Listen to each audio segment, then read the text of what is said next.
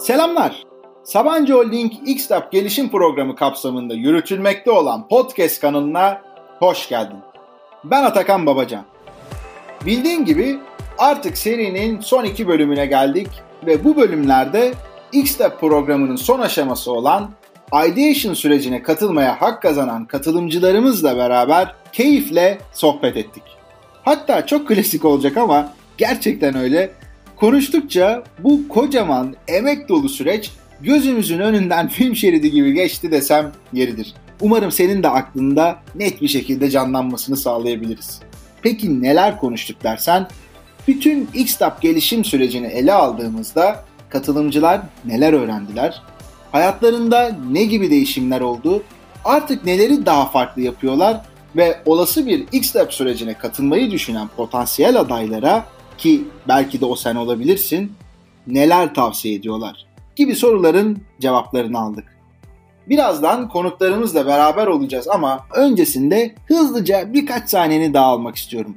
Bölümde de yer yer tekrar ediyorum ama en baştan altını çizmek istiyorum ki bütün Xlab katılımcılarını verdikleri emekler ve özverili çalışmalarından dolayı tüm samimiyetimle tebrik ediyorum. Bu bölümde konuğumuz olan Ideation katılımcılarımız ise hem oldukça uzun bir öğrenme sürecini başarıyla tamamladılar hem de yaklaşık 3 hafta boyunca bir fiil kendi odak alanlarındaki problemleri keşfetmek ve bu problemlere en uygun çözümü sunacak iş fikirlerini geliştirmek için canla başla çalıştılar. Bu yüzden sözü konuklarımıza bırakmadan önce bütün katılımcıların bu harika emeklerine şahit olma şansı bulmuş birisi olarak onları hep beraber alkışlayalım istiyorum. Atıksa, Moment, Hamster, Roadrunner, Bir Pratik ve bütün Xtap katılımcıları. Tebrikler!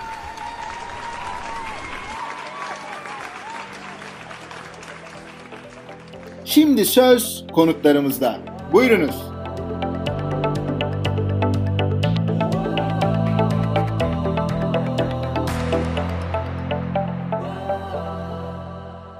Ben Merve Pehlivan. Birisa'da yaklaşık 3 senedir çalışıyorum. ARGE proses geliştirme mühendisi olarak. Herkese merhabalar. Ben de Melek Özdoğan. Akçansa'da kıdemli iş çözümleri uzmanı olarak çalışıyorum. Proje yönetimi yapıyorum ağırlıklı olarak. İki buçuk senedir Akçansa'da çalışıyorum. 10 seneye yakında bir iş deneyimine sahibim. Ben de Feyruz Aksoy ilk Korsa'da çalışıyorum. Global mühendislikte proje lideriyim. O zaman bizim e-Atıksa projemiz hakkında bilgi vermeye başlayabilirim. Biz e-Atıksa olarak şirket çalışanlarının elektronik atıklarını geri dönüştürememesi ve şirketlerin e-atık süreçlerini takip edilmesi problemini dijital uygulamamızda çözmeye hedefledik. Burada öncelikli olarak 32 tane personel görüştük. Çeşitli firmalardan kişiler irtibata girdik. Bir kağıt toplayıcısıyla da hatta görüştük. Ve insanlardan aldığımız iç öngörülerde ise firmalar e-atık süreçlerini toplayıcı firmaya verdikten sonra takip edilmelerini ve insanların da bu e-atıkların ne yapacaklarını bilememeleri gibi öngörüler topladık. Biz burada 25-55 yaş arası kurumsal firma çalışanlarını hedefledik. Bunların belki en büyük özelliğimizi çevre duyarlı olan kurumsal firma çalışanlarına odaklanmayı hedefledik. Biz burada bir mobil uygulama tasarladık, bir de web portalı tasarladık. Mobil uygulamamızda ise e-atıkları fotoğraflarını sisteme yüklemelerini ve burada onlardan ilgili e-atıkla ilgili bazı detay bilgiler aldık. Daha sonrasında firmalara konulayacağımız TEMSA ile işbirliğiyle geliştireceğimiz akıllı konteynerlarla biz bu e-atıkları toplamayı hedefledik. Süreci cep uygulamamızdaki e-ticaret şirketlerinin yapmış olduğu gibi süreci dijital bir şekilde takip etmeyi hedefledik. Sonrasında bir kazan kazan ekosistemi oluşturmak istedik. Bir e-para gibi bir tanım oluşturduk. İnsanlar burada e-atıklarını yükledikçe direkt geri dönüşüm firması bunlara bir pay belirleyip daha sonrasında bir e-para gibi bir format oluşturduk. Bu kazanılan e-paralar ile de topluluk çatısı altında çapraz satışlar oluşturarak eğer sizin bir elektronik cihazınıza bir sigorta istiyorsanız eğer e-parayla AGESA'dan sigorta hizmeti alabilir. Teknosa'da Carrefour'dan ise elektronik cihazlarınız için de bir indirim kuponu kazanabiliyor olacaksınız. Onun dışında da ben sadece sürdürülebilirliğe katkı sağlamak istiyorum diyorsanız da bir bağış opsiyonuyla bunu kişilere sunduk. Özetleyecek olursam ulaşılabilir sistem kurarak insanlara alışkanlık kazandırmak istedik. Dijital çözümümüzle döngüsel ekonomiye katkı sağlamak ve bir kazan kazan ekosistemi kurmayı hedeflemiştik.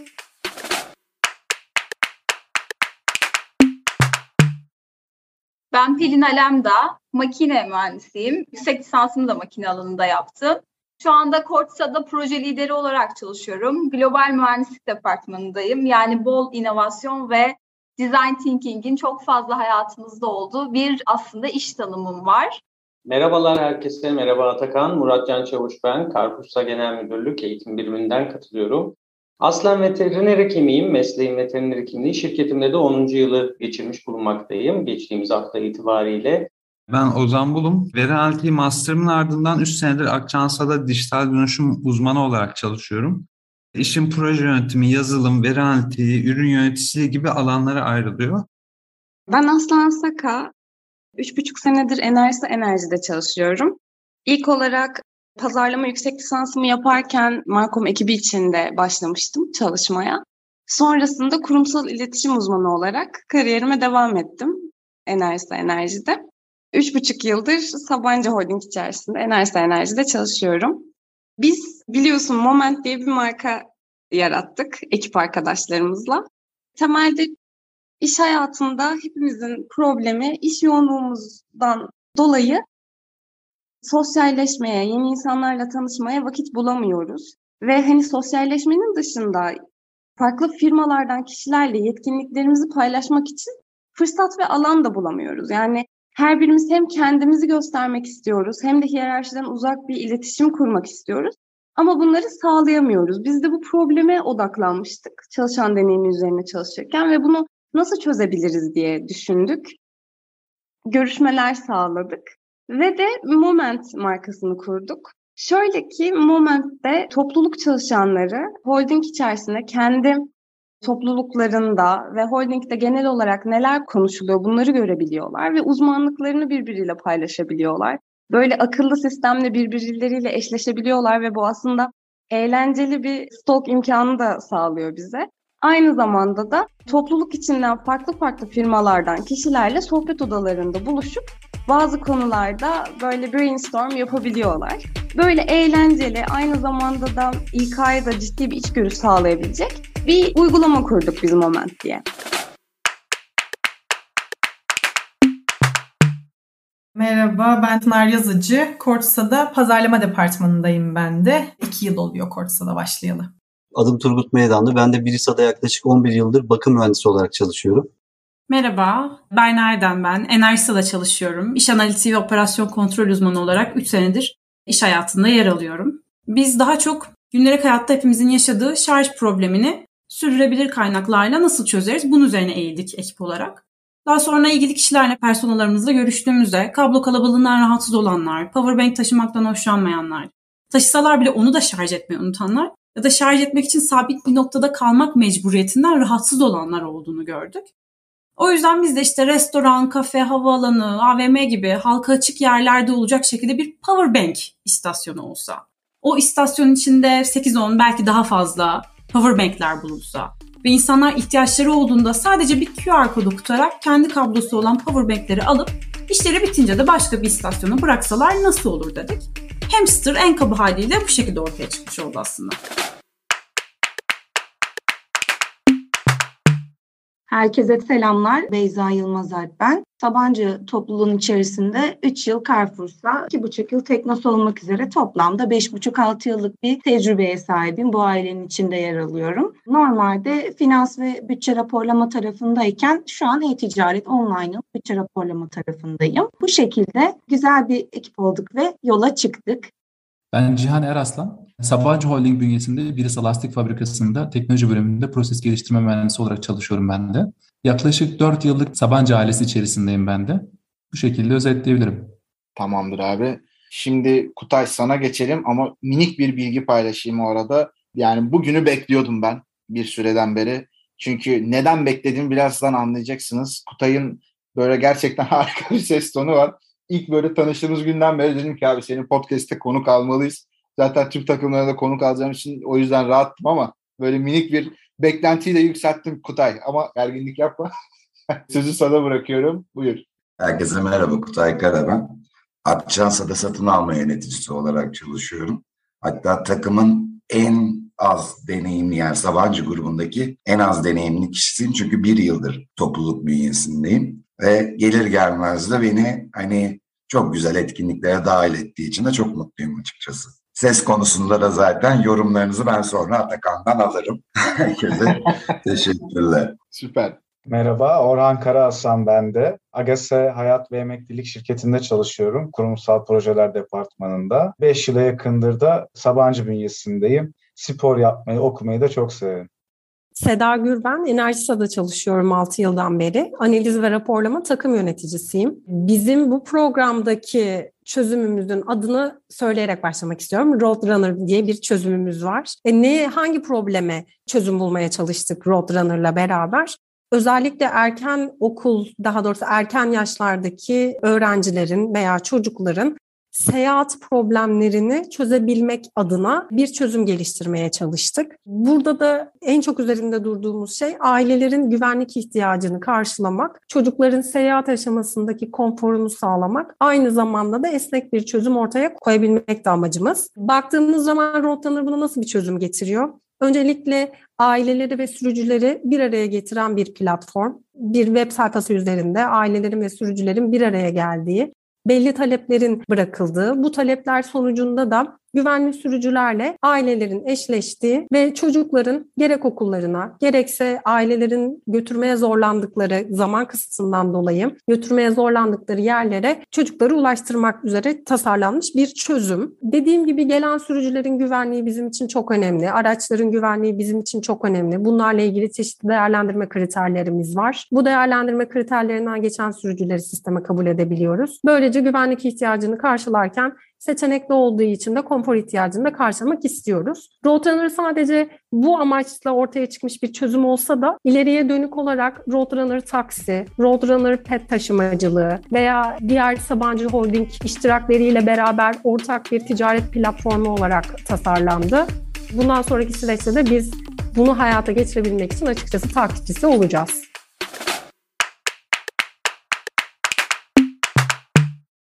Ekin buyur istersen. Selam Atakan. Ben AGESA'dan süreç yönetimi ekibinden katıldım programa. Uzun süre aslında üretim sektöründe çalışmıştım.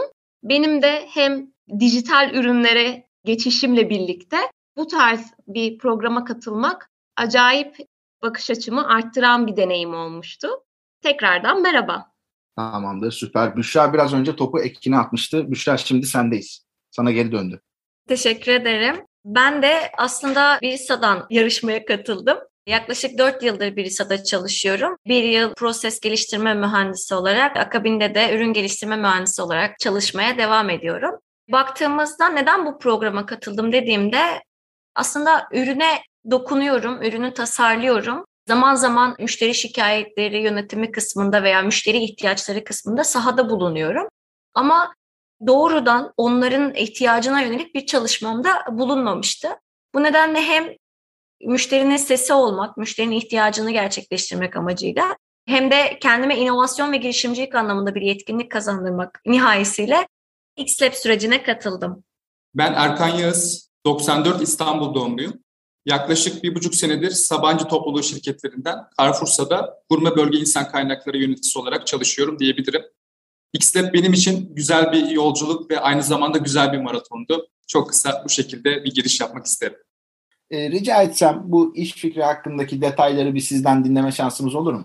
Takım 5 olarak Atakan 3 haftalık aidiyaton süreci kapsamında müşterilerin lastik ürün alım ve sonrasında deneyimlerini iyileştirecek, marka bağlılığı ve iletişimdeki eksiklere çözüm sunacak, hizmet odaklı bir iş modeli ihtiyacı meselesi üzerine çalışmalarımızı yaptık aslında. Yapmış olduğumuz çalışmalar sonrasında da bir pratik hizmet odaklı iş modelimizi ortaya çıkardık diyebilirim. Bir pratik kişisel araca sahip e-ticaret siteleri üzerinden lastik alışverişi yaparken lastikleri taktıracağı güvenilir usta bulma, lastiklerin depolama ve hizmet noktasında taşıma problemi yaşayan müşterilerin e-ticaret siteleri üzerinden lastik satışı sırasında Birisa markalı ürünlerde online randevu sistemiyle en yakın otopratik bayisinde lastik montaj ve depolama hizmeti sağlayan hizmet odaklı bir iş modeli. Tabii bizler bir pratik iş modelini tasarlarken tasarım odaklı düşünme, yalın girişim ve müşteri doğrulama metotlarını kullanarak müşteri ihtiyaç ve problem kavramlarını uygulayarak ortaya çıkardık. İhtiyaç ve problemleri belirledikten sonra hedef kitle, fikir, pazar, rekabet ve bence en önemlisi agile, çevik olarak yani takım dinamiğiyle birlikte çalışmalarımızı gerçekleştirdik diyebilirim. Konuklarımızı tanıyıp ideation sürecinde geliştirdikleri iş fikirlerini dinlediğimize göre süreç boyunca neler öğrendiklerini ve ne gibi deneyimler elde ettiklerini dinlemek üzere sözü yine onlara bırakıyorum. Öncelikle bu süreç boyunca bilmediğim o kadar çok şey öğrendim ki. Bunların en başında persona kimdir, prototip nedir, prototiple prototip arasında ne gibi farklar vardır, yalın iş modeli kanvası nedir, nasıl doldurulur, MVP nasıl yapılır, MVP doğrulama nasıl yapılır gibi birçok şey öğrendim. Ama benim bu süreçten en büyük öğrendiğim şey gerçekten hiç para harcamadan bulduğum bir çözümü potansiyel müşteri üzerinde nasıl deneyebilirim? Bu benim en büyük kazanımım, en büyük deneyimim oldu diyebilirim. Bu süreç, girişimcilik süreci benim zaten hani gerçekten ilgim olan bir alan ve hani ben bu eğitimi almadan önce eğitim diyorum çünkü öyle olduğunu düşünüyorum. Ciddi bir eğitim aldık 6 ay süresince ve uygulama yaptık. Bence öğrenmenin en önemli koşulu zaten uygulamak. Girişimcilik hani az önce senin söylediğin gibi normalde bir fikrim var, çözümüm bu, hızlıca hemen sanki böyle kendi fikrim herkes tarafından beğenilecekmiş gibi bir algı varken bu süreçte hani problem yaklaşımı, benim problemim başkalarının problemim, bunun pazar araştırmasını yapmak, insanların fikirlerini bu konuda öğrenmek, yol değiştirmek, değişen yola uyum sağlamak ve bu tasarım odaklı düşünme mantığını kazanmak benim için çok değerliydi gerçekten. Ve bu süreçte şunu gördüm yani girişimcilik aslında bir metodolojiye dayanıyor. Ya bu da benim için soyut olan bir şeyi somutlaştırdı. Adım adım adımları takip ettiğinde ve yaptığında günün sonunda ortaya bir çözüm çıkıyor. Yani problemden çözüme doğru gitmenin bu kadar metodolojik olmasını öğrenmek beni mutlu etti açıkçası. Bu süreçte gerçekten hem Sabancı eğitim ekibi, EDU ekibi hem de GOİ'nin bize çok katkı sağladı. Ben girişimcilik kültürümün geliştiğini düşünüyorum.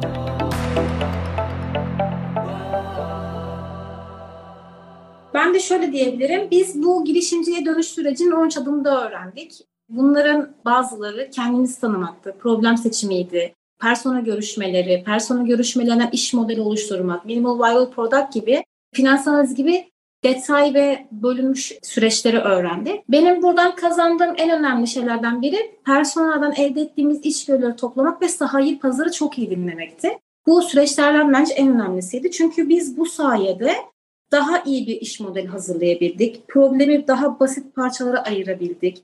Basit parçalardan hipotez elde edebildik ve bunu daha sonra test edebildik bu öğrendiğimiz süreçler doğrultusunda.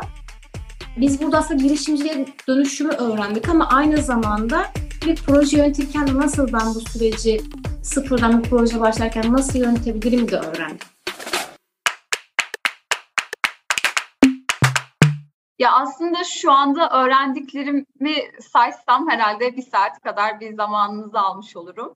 Çünkü sürecin en başından sonuna kadar çeşitli adımlarla aslında yürüttük ve bu adımlar boyunca ya daha önce denediğimiz şeyin metodunu değiştirdik ya da tamamen yaklaşımımızı değiştirdik. Bizler bazen bir iş modeline bakarken kendi bakış açımızla birlikte düşünüyoruz ve öyle değerlendiriyoruz. Lakin dışarı çıkıp işte persona görüşmeleri yaparken çok farklı perspektiflerle karşılaşıyoruz ve bu perspektiflere göre empati kurarak karşımızdakinin peynini daha çok anlıyoruz ve bu peyne yönelik birçok çözüm üretmek durumunda kalıyoruz. Bu da zaten bu akışın bizim yaklaşımımıza ve bakış açımıza en büyük katkısı olduğunu düşünüyorum. Bu aslında ilk aşamada benim kazandığım yetkinliklerden sadece yüzde onu az önce anlattım. Onun dışında tabii ki bu süreç boyunca hocalarımızdan, öğretmenlerimizden öğrendiğimiz bilgiler, webinarlar, sizlerin değerli katkıları, aynı zamanda hali hazırda girişimci olan kişilerden onların bu yolda öğrendikleri ve yaşadıkları tecrübeleri duymak da aslında bizim için çok fazla ufuk açıcı oldu. İlk aşamayı tamamladıktan sonra ideaton sürecinde de 3 haftada bir iş nasıl planlanır? Bunu öğrendik. Farklı şirketlerden kişiler olarak bir araya geldik ve bu da bize bir network sağladı. Daha önce hiç tanışmadığımız kişilerle aslında bir araya gelerek herkesin fikrini aldık. Dışarıya çıktık, insanların fikrini aldık ve böylece hem daha fazla network edindik hem de aklımızdaki fikre farklı perspektifleri de ekleyerek bu fikri olgunlaştırdık.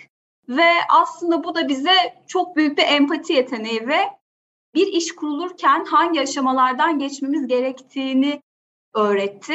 Bu anlamda ben genel olarak bir resme baktığımda aslında bir girişimci olmaya ne kadar yakın olduğumuzu ve hazırda yaptığımız işlerin aslında her birinin bir girişim olduğunu lakin düzgün bir metodoloji kullanmadığımızı fark ettim. Ve bu anlamda artık daha kendimi yetkin ve yeterli görüyorum. Bizim yolculuğumuz Haziran ayında başladı. Herkes bireysel olarak katıldı bu projeye farklı topluluk şirketlerinden. Bizler de kendi çalışma hayatımız içerisinde hem çalışma tempomuz içerisine bu süreçleri adapte etme hususunda hem gerektiği zaman mesai sonrasında hafta sonlarında girişimciye ve girişimciliğe yönelik yapmış olduğumuz çalışmalarla aslında kendi içimizdeki potansiyeli daha rahat keşfetme olanağına, imkanına sahip olduk. Bu açıdan da değerlendirdiğimizde XLab süreci ve sonrasındaki 3 haftalık ideaton süreci bizim için açıkçası çok etkili oldu. Herkesin bildiği üzere bir pandemi durumu var. Dünya çapında pandemi durumu var. Ülkemizde de bu durum var ve pandemi durumunda özellikle sosyalleşme çekingenliği diye de bir durum var. Biz farklı şirketlerden bir araya gelen insanlar olarak oluşturduğumuz takımla, oluşturmuş olduğumuz ekiple aynı zamanda bu pandemi sosyalliğinin ön yargısını da kırmış ve bir araya geldiğimizde neleri ortaya çıkarabileceğimiz hususunda da çok önemli veriler, çok önemli çalışmalar, kazanımlar elde ettik. Bunlarla da hem kendi bireysel performansımıza hem takım performansımıza hem de geleceğe ışık tutacağımıza olan inancımızı tazeleyerek sürdürmüş bulunmaktayız.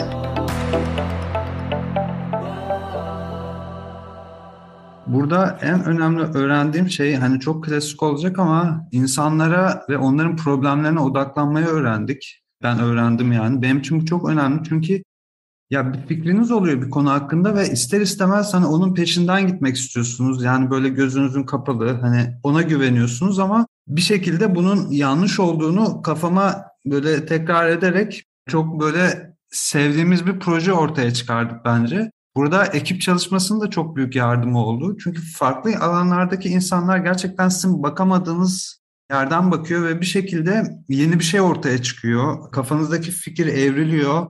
Aranızda iyi bir ilişki varsa biraz egonuzu da yenip evet gerçekten bu şekilde olursa daha iyi olur dediğiniz anda en sonunda kafanıza yatan bir şey çıkıyor.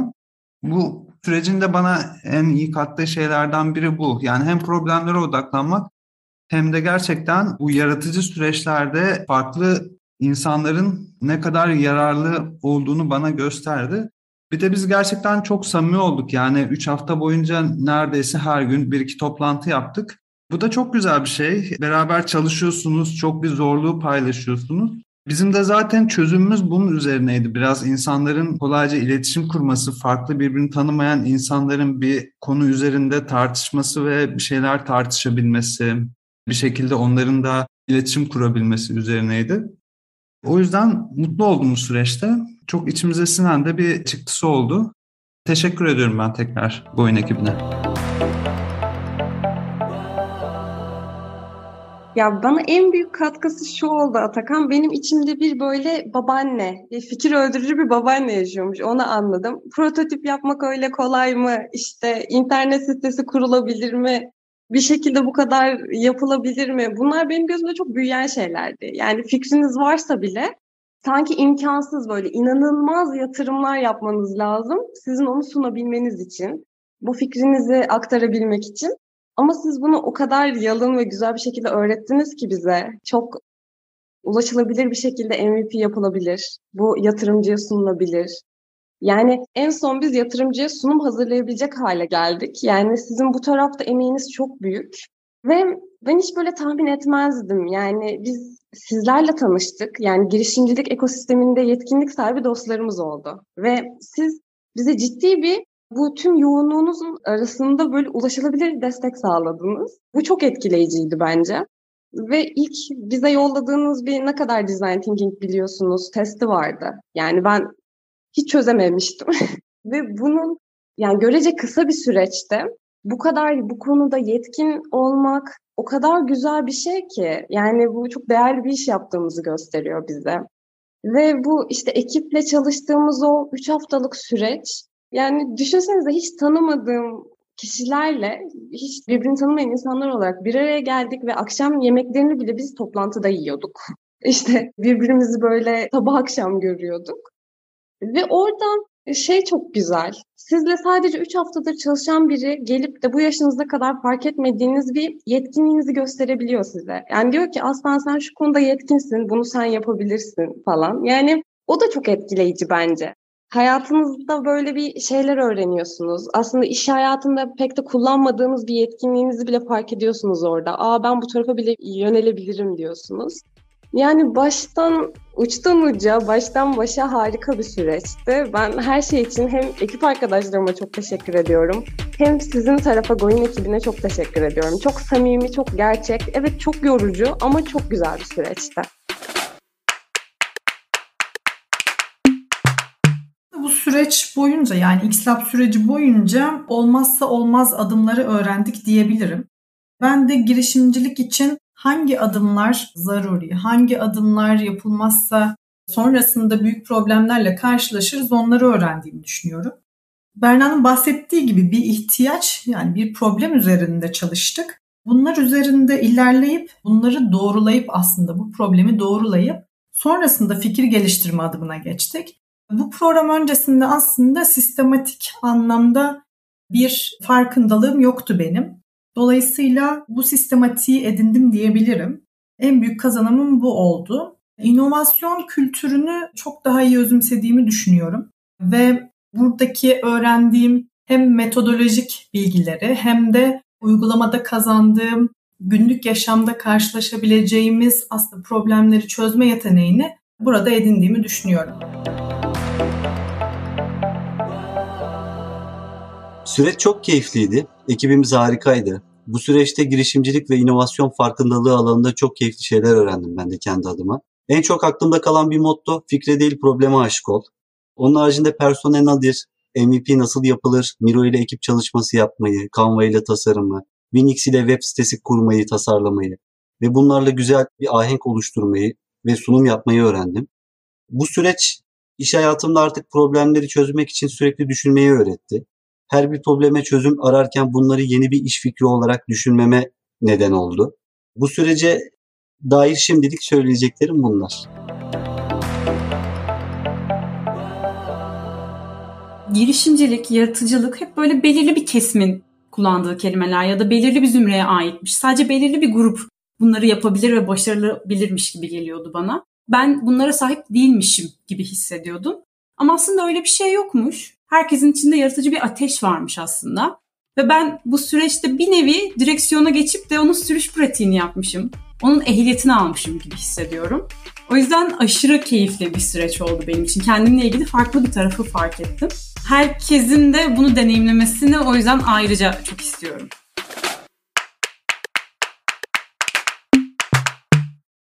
Aslında şöyle söyleyebilirim. Biraz kendi açımdan biraz da artık ekip arkadaşlarımla da tanıdığım için birçoğumuz biraz daha mesela analitik tabanlıydık biz projeye başlamadan önce. Burada da yani sürdürülebilirlik ve inovasyon gibi kavramları biraz daha kendi araştırmalarımızla ya kendi adıma en azından öyle söyleyebilirim ya biraz daha searchleyerek veya işte podcastlerden dinleyerek gibi alanlardan öğreniyorduk. Bu projeye başladığımızda ki uzun soluklu bir projeydi. Bu 6 ay boyunca sürdürülebilirlik kavramının detaylarını, inovasyonun detaylarını, belirsizlik altında karar vermek ki bu iş hayatında da söz konusu zaten.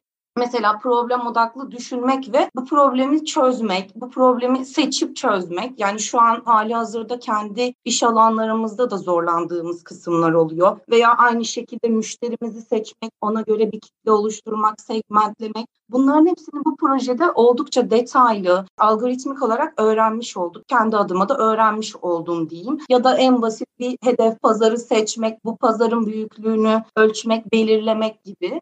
Bunun yanı sıra teknik de birçok şey öğrendik. Yani bir projenin detaylı olarak tavsiye ettiğiniz programlarla Miro'dur, Canva'dır. Bu programlarla nasıl algoritmik olarak yerleştirebileceğimizi, sonuca daha rahat nasıl girebileceğimizi, daha düzenli çalışabileceğimizi de kendi adıma öğrenmiş oldum diyebilirim. Aslında Beyza çok güzel özetledi bütün süreci ama herkesin böyle aklında bir şey vardır. Benim aslında bir fikrim var. Şu girişimi yapsam nasıl olur acaba? Ya işte şöyle bir fikrim var. Bunu nasıl hayata geçirebilirim? Ya o işin öyle olmadığını gördük aslında. Ya çünkü bu süreçle beraber çok daha farklı konseptlerin olduğunu gördüm ben. Burada en başta söylemek istediğim, söyleyeceğim şey aslında şu olacak. Öncelikle bir problemin olması gerekiyor. Bu problem birinin problemi olması gerekiyor ve bu problemi bir şekilde sizin çözüm sunmanız gerekiyor. Yani sadece bir çözümle ortaya çıktığınız zaman hüsranla karşılaşabilirsiniz. Benim bu süreçte en çok böyle aklımda kalan şey bu oldu. Öncelikle bir probleminiz olmalı. Bu problemi nasıl çözeceğiniz çok önemli ve en önemli şey sürekli süreçte geçirdiğimiz persona kısmı. Personayı çok iyi tanımanız gerekiyor. Onlarla çok içli dışlı olmanız gerekiyor. Onlara güzel bir şekilde empati yapmanız gerekiyor. Bu süreç sonrasında aslında bir girişim en sağlıklı bu şekilde çıkabiliyor.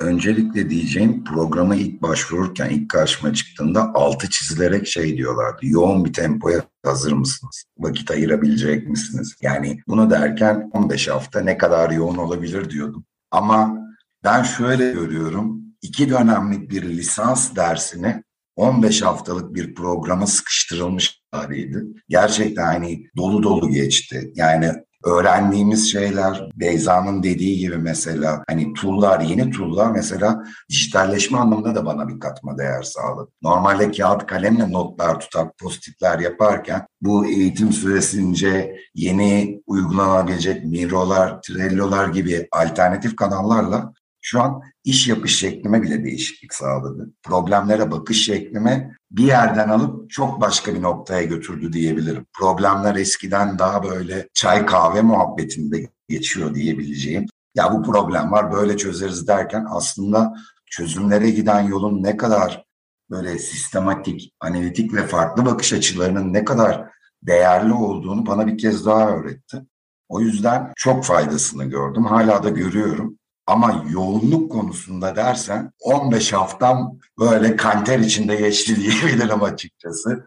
Sürekli düşünme, sürekli yaratma, sürekli teşvik eden ve sizin enerjiniz sayesinde de sürekli süreci bitirmeye odaklanan bir organizasyondu. Gerçekten işte Beyza da dedi mesela ben kişisel hobi amaçlı diyeyim girişimcilik, inovasyon bunları okuyup YouTube'da izleyen bir insandım.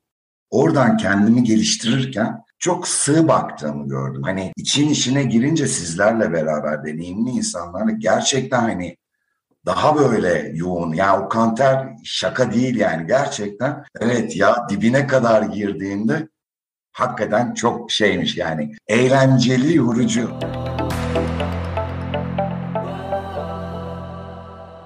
Öncelikle şunun altını çizeyim. Girişimci düşünce zihniyeti bence bugünün ve yarının davranış ve düşünce sistemi.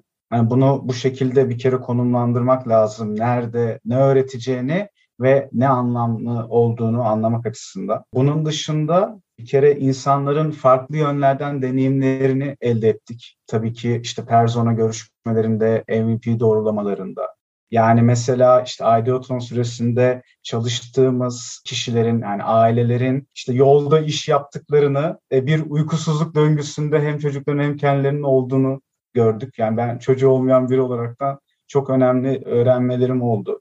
Yine kendi çalıştığım işte orta düzey yöneticiler üzerine olan problemimde de. İkincisi Ideoton'dan mesela şunu yine çok güzel öğrendim. Amaç birliği olunca hedefe ulaşmada çok güzel ve çok verimli çıktılar olduğunu yine öğrendim. Son olarak da fikirlerden ziyade meseleleri öne çıkartmanın, işte bu meselelere giderken iş modeli kurmanın, işte doğrulamalar yapmanın, hep bir metriklerle hareket etmenin bizi nasıl ileriye taşıdığını da gördüm. O yüzden de çok kıymetliydi.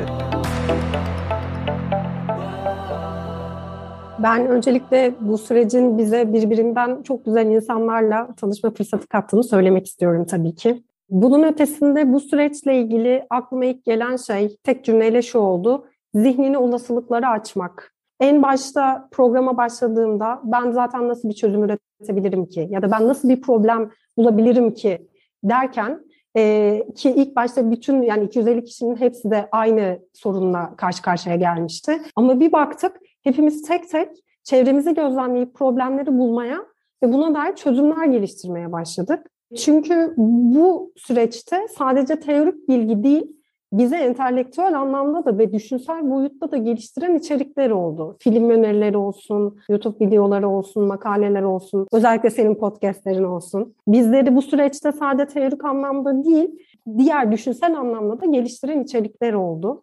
Bu fikir zaten tutmaz ya da biri bunu yapmıştır gibi ön yargılardan kurtularak ve aslında bu akışta kalarak da nasıl çözüm üretebileceğimizi çok iyi deneyimlemiş olduk. Bence en önemli katkılarından bir tanesi bu. Bu süreçte de aslında arkadaşlarım da bahsetti. Zorlu bir yolculuktu. Gerçekten zorlu bir yolculuk olduğunu herkes altını çiziyordur diğer podcastlerde de. Ama sonunda gerçekten hem bakış açınız değişmiş oluyor. Hem yeteneklerinizi keşfediyorsunuz hem belki de zorlu bir ortamdayken hayatın size getirdiği kısıtlayıcılardan kurtulmuş oluyorsunuz. En önemli katkısının bu olduğunu düşünüyorum ben. Dediğin gibi öncesinde 15 haftalık bir bireysel öğrenim ve farkındalık eğitimi aldık aslında. Hem Sabancı Edu hem de Goin ekiplerinin desteğiyle birlikte donanım olarak oldukça kendimizi zenginleştirdik. Bu kısımda baktığımızda inovasyon, girişimcilik tanımları, tasarım odaklı düşünme yetkinlikleri, yalın startup modelleri, hafta bazlı olarak bu işi layığıyla yapan yeni girişim sahipleriyle de bir araya geldik. Müşteri doğrulama metotları nelerdir, müşteriye nasıl yaklaşmalıyız, nasıl sorular sormalıyız gibi çeşitli yetkinlikler kazandık.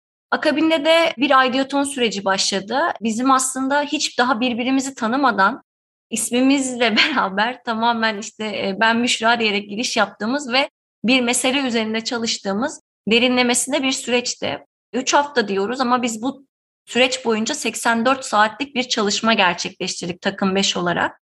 Akşam, sabah, gece, gündüz fark etmeksizin saat kavramını bir kenara bırakarak tam bir girişimci gibi hissettik kendimizi kurum içi kurum dışı şapkasını bir kenara bırakarak bunu söylemek gerekir belki. Orada biz bireysel bir takım olarak yer aldık ve şey yeni bir yetkinlik kazandırmıştık kendimize. Bu yetkinliği hayata geçirmek istiyorduk. Bu anlamda da güzel bir iş modeli tasarladığımızı düşünüyoruz.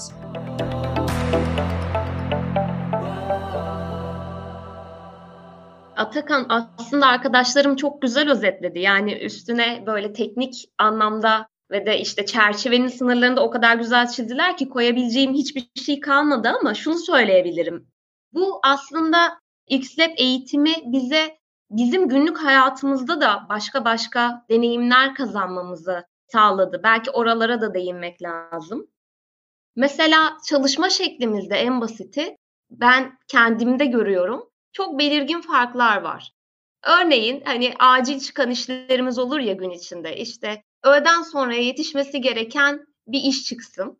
Aidiyoton sürecinden önce verdiğim tepkiyle bu süreci yaşadıktan sonra verdiğim tepki arasında dağlar kadar fark oluyor.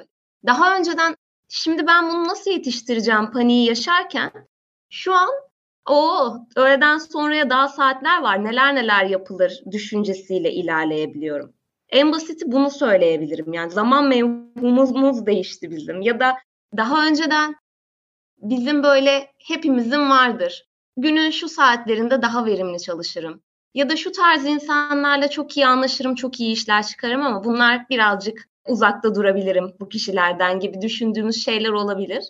Yine Ayda süreciyle aslında Büşra'nın da dediği gibi biz ismimizi öğrenerek bir konuyla ilgili çalışmaya başladık. Dolayısıyla aslında bizim yarattığımız böyle sanal parametreler olduğunu da fark etmeye başladık. Aslında bunlara gerek duymadan da çalışabiliyoruz, işler çıkarabiliyoruz. Bunu anladık. Bunları da eklemek istedim. Ben de bu tarafta biraz işin mutfağına teknik kısma değinmek isterim aslında. Tabii süreç boyunca öğrendiklerimizi belki bu podcast serisine sığdırmak mümkün değil ama özetle inovasyon, kurum içi ve kurum dışı girişimcilik nedir, ne değildir? İnovasyon zihin yapısına nasıl sahip olunur gibi kavramları öğrenerek öğrendiğimiz bilgi ve birikimlerimizi aslında projelerimizde uyguladık diyebilirim. İnovasyon ve girişimcilik yolculuğunda aslında startup, müşteri doğrulama, çevik yönetim konularını, tasarım odaklı düşünce gibi konuları ihtiyaç ve problem kavramlarını belirleyerek yola çıkmak gerekiyor. Öncelikle sizlerin girişimciye dönüş aşamasında her zaman söylediği gibi fikre değil probleme aşık olmak gerekiyor kesinlikle. Burası belki de yolculuğun en önemli noktası. Zaten probleme aşık olduktan sonra da seçilen problemi önceliklendirmek ve gruplara ayırmak, müşterileri tanımlamak, persona kartlarını oluşturmak. Yani B2B mi, B2C mi müşteriye yapacağınız çalışma hitap edecek. Bunları belirlemek gerekiyor. Sonrasında seçilen probleme odaklanmak, fikir üretme aşamasında müşteri görüşmeleriyle müşteriyi doğrulamak, müşterilerin içgörülerini yorumlamak çok önemli bence. Fikir geliştirmek ve aslında birçok fikirden ihtiyaç ve problemi en iyi çözecek fikri seçmek en önemlisi belki de. İş modeli ve müşteri deneyim haritasını oluşturduktan sonra da MVP oluşturmak diyebilirim. Minimum geçerli ürün oluştururken MVP yöntemini belirlemek belki MVP'deki kritik noktalardan biri. Çünkü yönteminizi ne kadar iyi belirlerseniz son kullanıcıda ürününüzü doğrulamak o kadar kolay ve anlaşılır olabiliyor. Biz burada yapmış olduğumuz çalışmalarda bunu gerçekten deneyimledik. MVP doğrulama tamamlandıktan sonra da aslında geriye yatırımcının önüne çıkmanız kalıyor. Yani son adım olarak yatırım sunumu kalıyor diyebilirim. Tüm bu bileşenleri yatırımcı sunumunda bir araya getiriyorsunuz. Kısaca ben de en azından buradaki akışın teknik kısmını özetlemek istedim Atakan.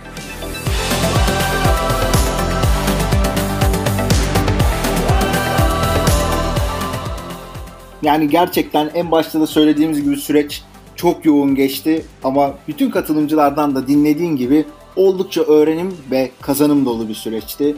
Dolayısıyla ben daha fazla olayı tekrarlamak istemiyorum çünkü onlar gerçekten artık bir inovatif zihin yapısıyla beraber metotları da neler öğrendiklerinde çok iyi ve net bir şekilde açıkladılar. Fakat belki ufak bir es vermek, kendine bir çay veya kahve koyup gelmek istersen diye minik bir ara veriyoruz ve seni bir sonraki bölümde bekliyoruz.